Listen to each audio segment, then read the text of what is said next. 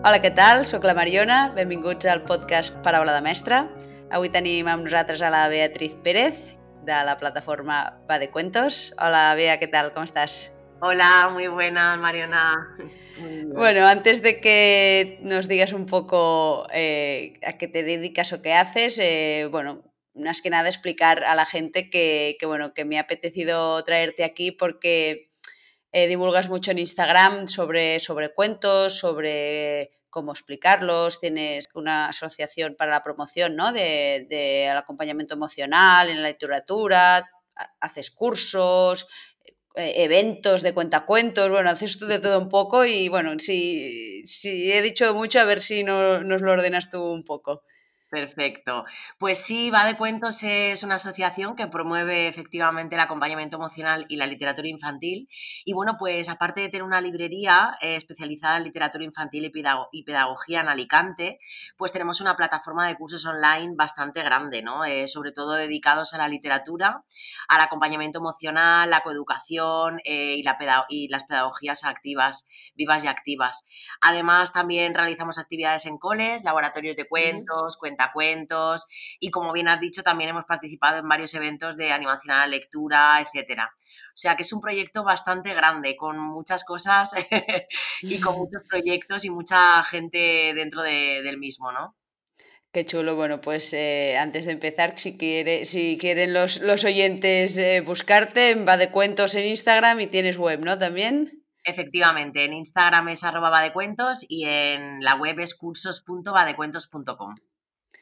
Muy bien, pues eh, nada, empezamos. Eh, bueno, yo soy maestra, como, como, ya sabes, y me gusta mucho también el, el, arte, ¿no? De explicar historias. La verdad es que los niños, cuando les explicas un cuento, cambian la cara, se, se, se, ponen en modo escucha y vamos, entran en la historia súper súper emocionados. No sé, un poco si nos puedes contar el, el contexto, ¿no? El, el qué, qué, es exactamente el storytelling o este arte de contar historias. Bueno. Bueno, yo creo que, que al final es eh, la forma que tenemos eh, los narradores, las narradoras de, de transmitir ¿no? la, la, palabra, ¿no? De, de, transmitir emociones, de transmitir ideas y también un poco el, el acercar eh, las voces y las historias que, que, nos han contado en cuanto a la narración oral y bueno, luego los álbumes ilustrados que, que hay que, que son una maravilla yo creo que las personas que dedicamos a esto lo que tenemos son ganas de, de, que lleguen las historias a los niños y a las niñas y al final yo creo que cada una y cada uno lo hacemos de, de nuestra, a nuestra manera. Yo creo que el objetivo es que, que haya un disfrute ¿no? por parte de, de los niños y las niñas. Claro, dices que cada uno lo hace a su manera, supongo que que bueno, cada uno tiene su, sus particularidades, ¿no? Su forma más, más especial de explicar historias, pero entiendo que debe haber claves, ¿no? Para, para llegar más a los niños, para engancharlos más. Efectivamente, yo creo que eso eh, hasta que no te pones delante de, del público infantil no, no, lo sabes bien, ¿no? Yo más eh, trabajo más eh, en cuanto a la narración con adultos y adolescentes, pero bueno, también he contado cuentos a niños y niñas un montón de veces y yo creo que al final eh, tienes que encontrar la forma de captar la atención, ¿no? Eh, cada persona lo hace desde, una, desde un lugar, pues yo por ejemplo utilizo mucho lo que es la voz, el juego de voces, la corporalidad también, ¿no? Y bueno, pues luego hay narradores que, que utilizan mucho eh, los objetos, los elementos de, bueno, pues eh, lo que, todo lo que tiene que ver con, con los disfraces, con, con, la ropa, ¿no? Con, con disfraces, con, con, elementos de, que, que juegan mucho con, lo que tiene que ver la, los cuentos, ¿no? Y bueno, luego ya están los que utilizan eh, también los instrumentos, que es una maravilla, ¿no? Yo que también canto, pues introducir el tema de las canciones es, yo creo que es un punto clave, ¿no? Porque ahí enganchas a tope con, con, los niños y las niñas, bueno, y con todas las personas, porque al final a las adultas nos encanta también que nos cuenten cuentos, ¿no? Eso te iba a decir, y tanto, porque claro, nos cuentas que, que usáis mucho los gestos o instrumentos o otra, otros, otra ropa, otro material, pero claro, también pienso que puede haber eh, personas que expliquen el cuento con el cuento físico en la mano.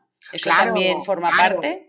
Por supuesto, eso es una lección, yo creo, eh, muy personal y luego también según qué historia, porque hay historias que, como bien digo, el, álbum ilustrado tiene, tiene la particularidad de que la ilustración es igual de importante que el texto. Entonces, acompañar eh, la lectura o el contar el cuento con la ilustración muchas veces eh, juega muy a nuestro favor, ¿no? Luego hay historias, pues que no hace falta que, escuchemos, que veamos la, imagen, ¿no?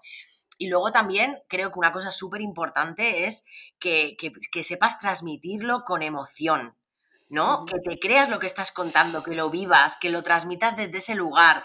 Creo que para mí eso es clave. Independientemente, tú puedes ponerte delante de un grupo sin tener nada, ni el cuento, nada de música, pero si tú con tu voz puedes transmitir lo que, lo que está contando la historia, yo creo que ya lo tienes todo ganado, ¿no?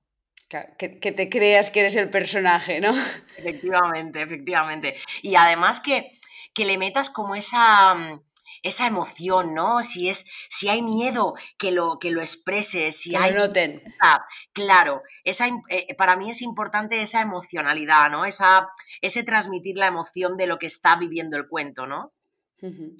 Qué guay. Y, y entonces, Cualquier cuento es bueno para ser contado, importa la temática, depende del momento, hay mejores, peores. Eso, eso es un, vamos, eso es, es, difícil, ¿eh, Mariona? Es difícil porque cuando tú lees una historia, hay historias que, son para leer en, en, en petit comité, ¿no? Que pueden ser para leer pues en el regazo de tu madre o de tu padre, que pueden ser para leer pues antes de dormir o, o en pequeño grupo, ¿no? En, una clase así más pequeñita. Luego hay cuentos que, son mucho también para, poder leerlo tú y, que te llegue la historia. Y luego hay cuentos que sí que son contables, pero no todos, Mariona. Creo que tienen que tener, hay historias que tienen que tener acción, ¿no? Para que, para que tú puedas contarlo, tiene que haber acción, tiene que haber bueno, pues si, si hay una, historia en la que hay varios personajes, tienes que saber un poco cómo, cómo hacer ver que son personajes distintos, ¿no? O sea, eh, cómo está escrito el, cuento eh, influye mucho a la hora de, poder contarlo y creo que luego cada uno y cada una tiene sus, sus estrategias, ¿no? A mí, por ejemplo, me gustan mucho los cuentos que que como digo tengan varios personajes para poder utilizar, introducir voces, o cuando cuento para adultos me gusta mucho que sean historias eh, con los que puedo jugar yo luego a la hora de reflexionar, ¿no? Y creo que eso luego depende mucho de, cómo te llega a ti la historia, ¿no? Pero sí creo que hay cuentos que, que se han escrito, que creo que esto es una cosa muy importante, creo que hay cuentos que se han escrito que no son para, para los niños y las niñas, que son para las adultas.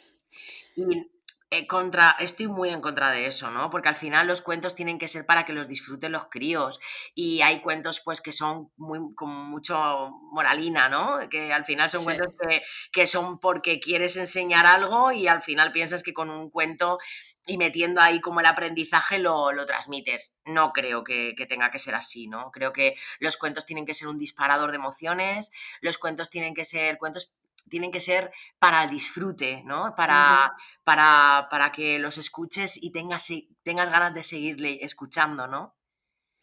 Claro, eh, y decías, claro, hay, hay cuentos que necesitas más personajes o más voces o incluso ser más...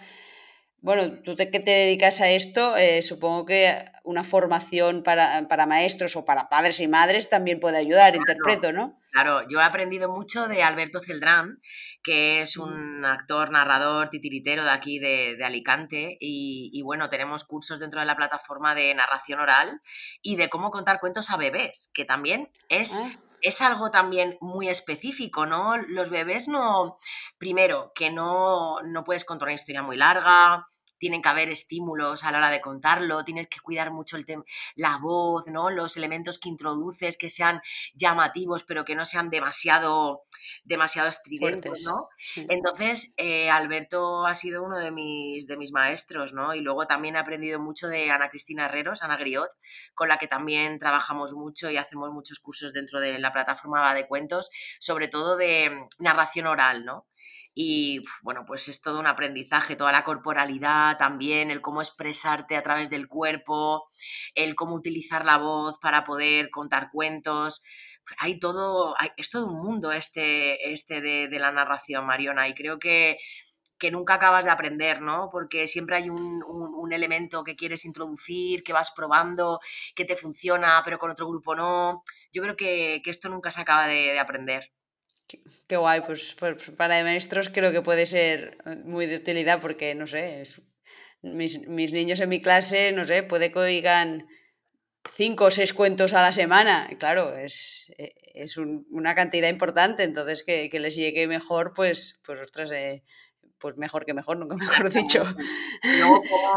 cómo, introduces el cuento, ¿no? Cómo empiezas la historia, cómo, cómo la acabas, o sea, esa entrada al mundo mágico de los cuentos, ¿no? Y eh, los cierres también son muy importantes, cómo interactúas con los niños y las niñas cuando vas contando, cómo vas como captando la atención de ellos y ellas conforme vas contando la historia. Y luego también cuentas mucho con cómo van ellos respondiendo, puede cambiar tu manera de, contar la historia, ¿no? Porque si estás contando un cuento de miedo y ves que los críos están cagados, pues bajas un poco la intensidad, ¿no? Claro. Sí, sí. Y, entonces, ¿qué, libro escoger? Porque claro, hay tantos de tanta temática, importa la edad. Bueno, nos has dicho con poco, ¿no? Que, bueno, que, ¿en qué tenemos que fijarnos? Pues mira, yo creo que cuando contamos un cuento a niños, a bebés, eh, tiene que ser un cuento corto, con, si puedes introducir la, musicalidad, eh, genial. Luego las repeticiones les suele gustar mucho también. Y luego, pues a la hora de narrarlo, eh, como digo, elegir historias que, sean sencillas, ¿no? Que no tengan una trama larga, que los personajes se puedan identificar fácil, que, si se repite, al, repetir les ayuda a, consensuar ¿no? lo, que, lo que está sucediendo. Luego, para el eh, público general, eh, cosas que yo pienso que, son importantes a la hora de, contar, ¿no? Pues cuentos que sean, como digo, entretenidos, que sean divertidos, que haya personajes que, que den juego a la hora de narrar. Y luego que la temática la elijamos bien. O sea, yo, por ejemplo, hay veces que nos piden algunos cuentos de algún tema específico y yo les digo, mira, es que no conozco ningún cuento de este tema que me funcione, porque tú puedes elegir un cuento, pues yo, por ejemplo, una, vez nos pidieron un cuentacuentos de temática LGTBI, ¿no? Y, querían que fuera muy específico, donde salieran personajes eh, eh, donde, que tuvieran relaciones con, eh, del mismo sexo y tal. Y yo decía, es que no hay ningún cuento que yo conozca, porque por ejemplo está el cuento de Sirenas, que me parece precioso para hablar del género, de, de, Jessica Love, editado por Coquinos, pero por ejemplo ese cuento es para disfrutarlo con el propio libro, ¿no? Yo, yo no me imagino eh, contándolo en un cuentacuentos yo, ¿eh? Pero a lo mejor hay alguien que sí. Porque creo que te tienes que tener mucho la ilustración, porque muy poco texto. Bueno, en ese caso yo no lo terminé de ver, ¿no? Y yo, bueno, pues lo que hice fue un poco proponerle cuentos que trabajaran y que trataran el tema de la igualdad en general, ¿no? Por ejemplo, el cuento de Guapa, de, de Canizales, editado allá mismo de, por Apila, ¿sí? Eh, ese cuento es una maravilla porque tiene a la bruja, tiene al ogro, tiene a los personajes que van apareciendo, tiene un final como muy llamativo, que eso también mola un montón, ¿no? Que haya, que haya elementos que, que como que te saquen de la historia también, ¿no? Y cuando acabas y escuchas el final, es como un final apoteósico, ¿no? Eh, creo que los cuentos que tienen que ver con, la autoestima, con que haya trama, que sean de aventuras, que sean, eh, pues como digo, ¿no? Con personajes divertidos eh, tienen que, para mí son los prioritarios, ¿no? Los que, los que dan juego a la hora de, contar. Sacas más juego, ¿no? De la historia y de los personajes. Vale, y en casa concretamente, porque a veces eh, las familias eh, nos piden, ¿no? Ostras, ¿qué cuentos? Que al final ya se me acaban las ideas por la noche, ¿qué cuentos escoger? Para ellos, ¿qué, es importante a la hora de, de, irse a dormir? ¿Qué, ah. ¿Qué historia es buena para, ser contada? Para, para, mí, cuando, cuando los niños y las niñas van a dormir, tienen que ser historias que, les dejen en un estado de calma ¿no? y de tranquilidad. Creo que podemos utilizar un tipo de cuento muy de aventuras, podemos introducir el miedo y todo el rollo en cualquier otro momento, pero en el momento de dormir creo que tienen que haber, tienen que ser cuentos que, que te dejen como tranquilo, ¿no? Porque obviamente es el momento inicial, eh, o sea, el previo al, sueño. Y claro, hay veces que nos ponemos a contar cuentos como muy, con, muchas, eh, vamos, con con muchos estímulos. Dramas, sí. Claro, y, al final los críos lo que hacen es eh, despertarse más, ¿no? Yo creo que ahí utilizaría cuentos de, o cuentos de siempre también. Hay muchos cuentos de tradicional preciosos y que los niños y las niñas luego quieren volver a escuchar, ¿no? Y repetir la misma historia. Pero yo quizás para el momento de dormir, o bien leer un cuento que, como digo, sea tranquilo y que te deje en calma, o bien, por ejemplo, leer estos cuentos que son muy cortitos, pues alguna fábula, algún cuento corto, o eh, empezar a contar, y eh, cuando ya los niños son más mayores, empezar a leer una novela con ellos, ¿no? Y leer un capítulo cada noche. Creo que eso también puede ser algo muy bonito, porque así te quedas con las ganas de saber qué va a pasar, ¿no? Sí, como los mayores, pero cuando ya más son más jóvenes, qué guay, sí. Eh. Supongo que esto también fomenta, bueno, eso ya lo hablaremos luego, pero también debe fomentar la lectura más cuando, cuando son mayores. Entonces, lo has avanzado un poco. Eh, ahora está mucho de, muy de moda, ¿no? Que eh, tratar el tema de, que yo creo que debe ser así, ¿no? También en la escuela, en casa, tratar más el tema de las emociones, no dejarlo pasar, el no, no, no pasa nada, no, no, qué sientes, cómo te, cómo te encuentras, qué te pasa, ¿no? Eh, que ellos se sientan escuchados. ¿Los cuentos pueden ayudar en ese sentido, en trabajar las emociones? Eh, pueden ayudar a generar un, tema y a hablar sobre un tema. O sea, para, yo no diría trabajar emociones, sino que los cuentos pueden ser unos disparadores de emociones. Es decir, que los niños conecten con emociones que a lo mejor no han conectado en otro momento o que, se, que empaticen con personajes que les están pasando las mismas cosas que a ellos y que entonces vean de qué forma se resuelve el conflicto, de qué manera resuelven el, problema o, bueno, o la necesidad que tengan en ese momento. Y luego puede pasar que a la hora de leer un cuento eh, tengas como ese espacio como para poder preguntar, ¿no? Y hablar sobre ello. Y cómo crees que se ha sentido este personaje y cómo te has sentido tú y qué te hubieras hecho. Entonces yo creo que los cuentos son, eh, tenemos que elegir cuentos que emocionen, cuentos que den lugar a hablar sobre ello. Y sí, hay muchos cuentos que, que tratan temas que, que, son muy difíciles, ¿no? Y que a lo mejor a la hora de hablar con un niño o una niña de un tema muy complicado como puede ser la muerte o la tristeza eh, o los miedos, el hecho de poder leer un cuento eh, con un niño o una niña lo que puede hacer es que abra un portalito ¿no? de, comunicación.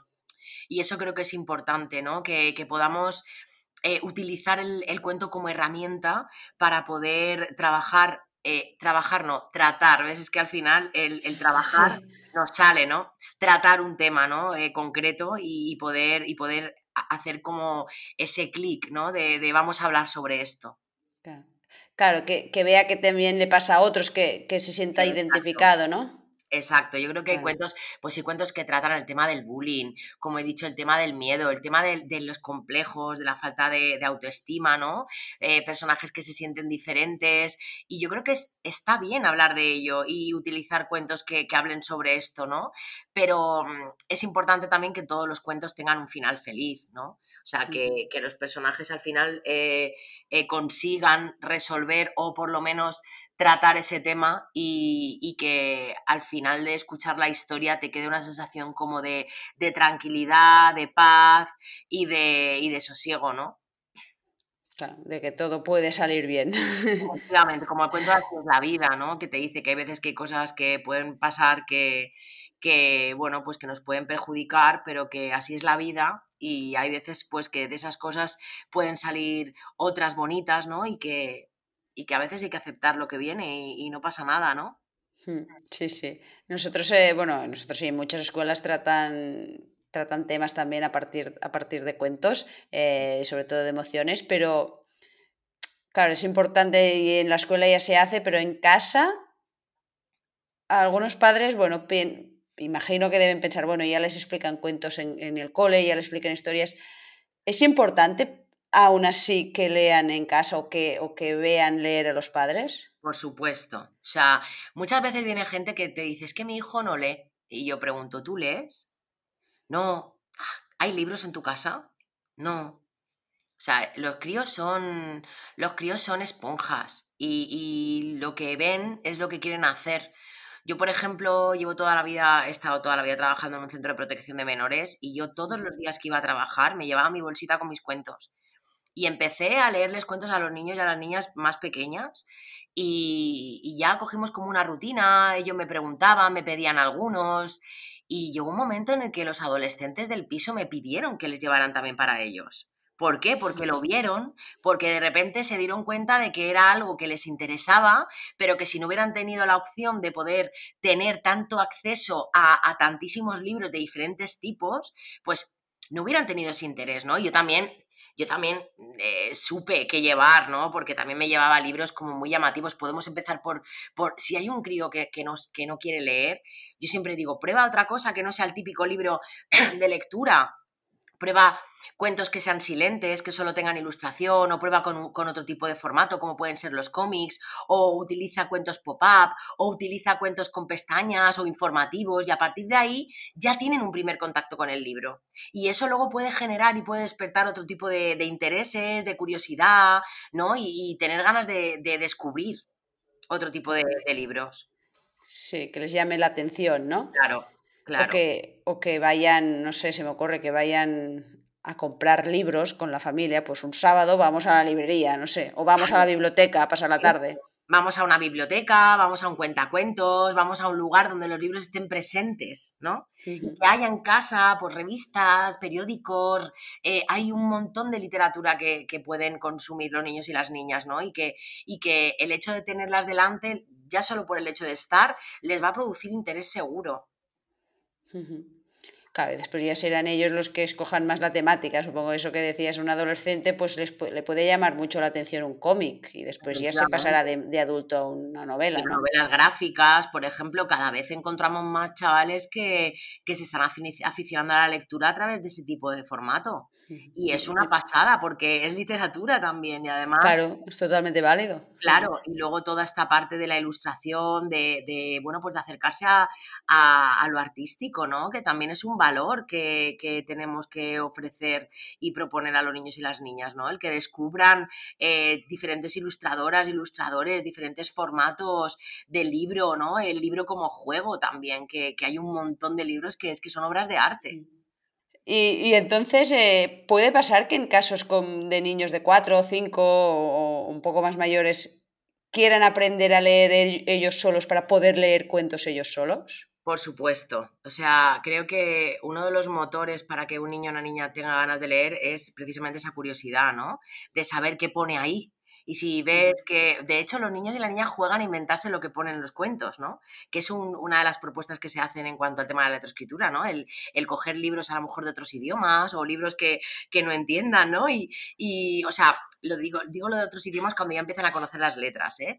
Pero, por ejemplo, el hecho de, tener un libro delante con ilustraciones, inventarse lo que está pasando, eh, eso les llama la atención. Igual que cuando vamos leyendo, cuando vamos viendo los, los edificios y vemos cartelitos, ¿no? Que leemos creo que es importante que haya libros, que haya letras eh, en casa ¿no? y en la escuela para que los niños y las niñas tengan ganas de descubrir que hay. Si no hay libros, si no hay nada que le pueda eh, generar esa curiosidad, no va a aparecer. Tenemos de alguna manera que acercarles esa necesidad ¿no? De, saber qué, pone. Yo creo que con el mundo ahora tan digital, eh, esto se está perdiendo mucho, ¿no? Porque al final les pones, una, les pones un vídeo con un cuento y, con la historia que se la están contando y ya está.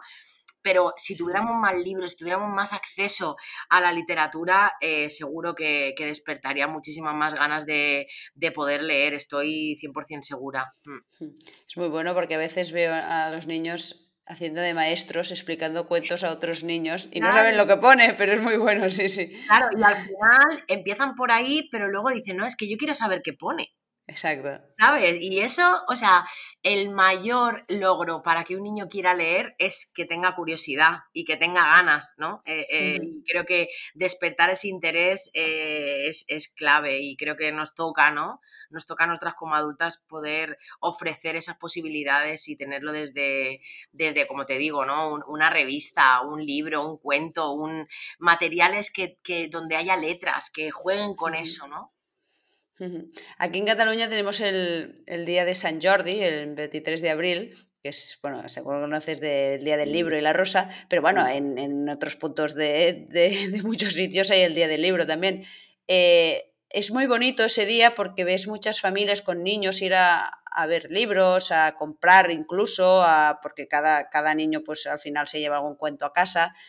Estas iniciativas no sé si sería bueno tenerlas más a menudo, no sé cómo, ¿qué, crees? Claro que sí, mira, nosotras aquí en Alicante hacemos todos los meses unos talleres de animación a la lectura en un museo de, de, Alicante, Museo de Arte Contemporáneo, el MACA, y todos los meses vienen las familias con los niños y las niñas a hacer los talleres. Y esas familias luego te las encuentras en una feria del libro, te las encuentras en un cuentacuentos en plena calle en un pueblecito de aquí al lado. Cuando hacemos un espectáculo de cuentos en de Cuentos vienen. El día de no sé qué, de repente vienen a mirar cuentos. O sea, eh, es, estas familias lo que hacen es buscar esos recursos e integrarlos en el día a día. Yo recuerdo cuando trabajaba en el piso tutelado, había un día a la semana que nos acercábamos a la biblioteca y entonces los críos llegaban, cogían sus libros y los devolvían después a la semana siguiente. Y era una rutina que teníamos integrada.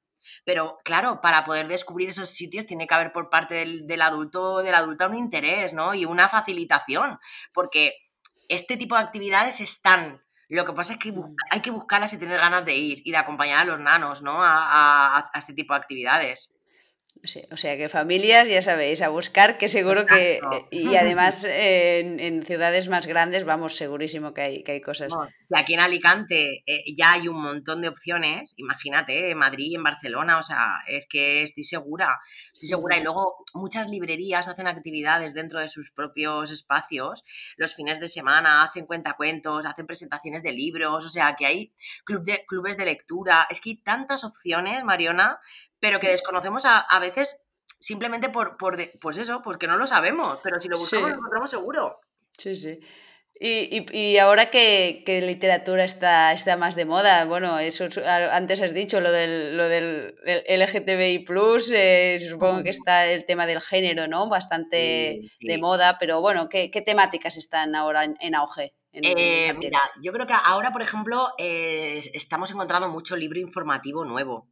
Eh, las profesoras utilizan mucho ahora el álbum como, y el libro informativo como recurso para poder tratar diferentes temas. Y eso es genial porque hay muchos libros, por ejemplo, de Patricia Hayes, que es una autora que me encanta, que habla pues del Sol y los planetas, de los volcanes, de, un montón de temas que además luego tienes ganas de saber, porque te lo, te lo presenta de una forma tan bonita, con, pestañas, con, con ilustraciones, con pop-up y con mucha información de una manera agradable para poder para poder descubrirla, ¿no? No es un tostón, vaya.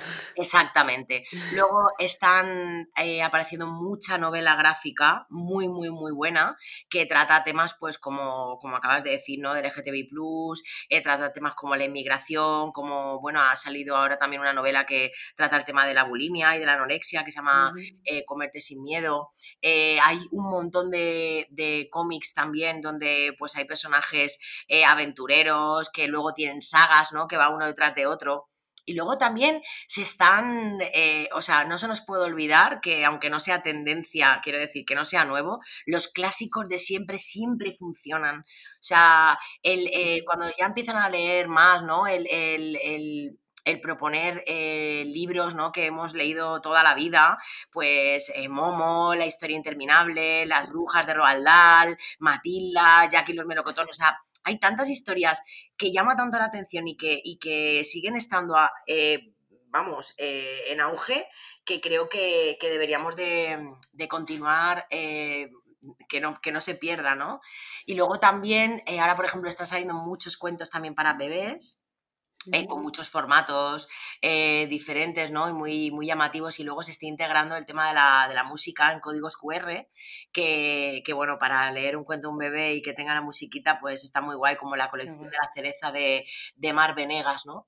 Y así, a ver, ¿qué más? ¿Qué más se me ocurre? Es que hay muchísimos temas. Han salido ahora con todo, con todo el, bueno, el tema del bullying también ha, sacado un montón, ahora han sacado un montón de libros que tratan el tema del, bullying, temas de como la prevención de, de la violencia de género, también cada vez hay más cuentos, cuentos que tratan el tema de los refugiados, de la inmigración, de la guerra. O sea, creo que eh, se pueden hablar de todos los temas que, imaginemos a través de, la literatura, ¿no? La sexualidad, cada vez tenemos más libros también que hablan y que, bueno, pues que hacen ver, ¿no? Que la importancia de conocerse uno mismo, de aprender a decir que no. Ha salido un libro ahora que se llama Tu cuerpo es tuyo, que es para que los niños y las niñas aprendan a reconocer su cuerpo y a poner límites, ¿no? Que es súper importante también. Eh, pues es que hay, hay, muchísimos. O sea, me podría aquí tirar todo el rato hablando de, Vamos, que todo, todo lo que se nos ocurre probablemente haya un cuento sobre eso, ¿no? Y a veces me preguntan, no, mira, busco un cuento donde el protagonista sea un, un pingüino y no sé qué. Y te digo uno.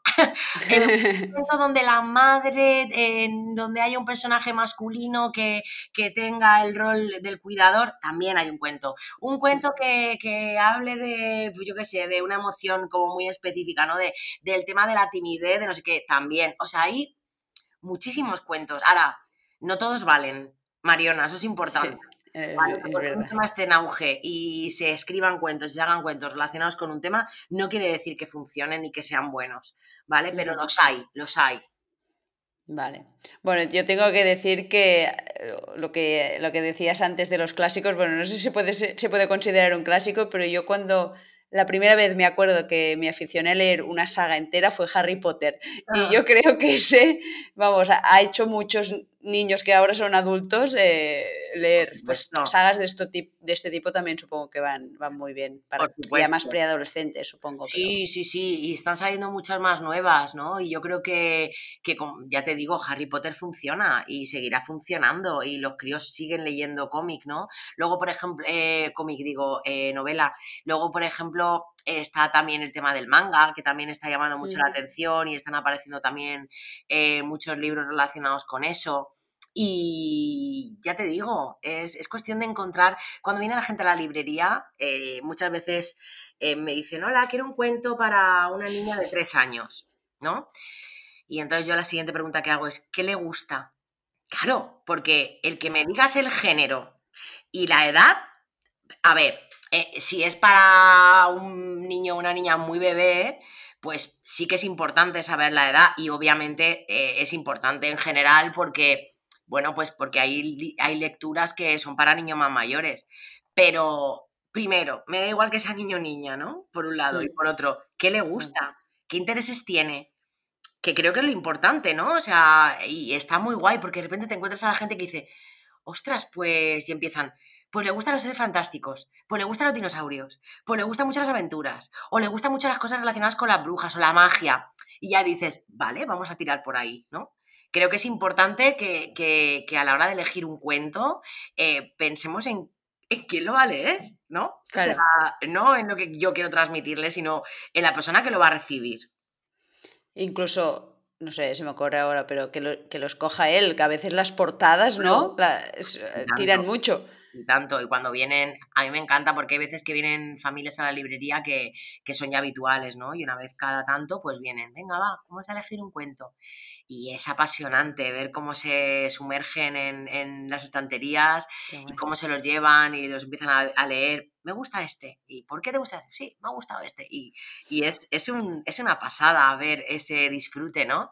Pero claro, ahí hay un adulto que pone prioridad el, eh, esto, el que va, el que compra el libro, se gasta el dinero en eso, invierte el tiempo en acompañar al crío a, a la librería y, como te digo, lo pone como una cosa prioritaria en su vida, ¿no? Y, eso yo creo que, es lo importante, que nos lo tomemos en serio, ¿no? Y que le demos el lugar que, se merece.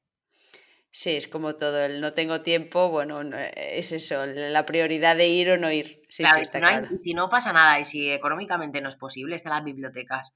O sea, que no sea porque no se puede, ¿sabes? Mira, nosotros tenemos en la librería una parte, es como, hay como dos espacios, uno la librería y otro es la cuentoteca, que es un espacio de lectura, que tenemos más de mil títulos separados por temas y unos sofás, una mesita y tal. Pues la gente viene a leer.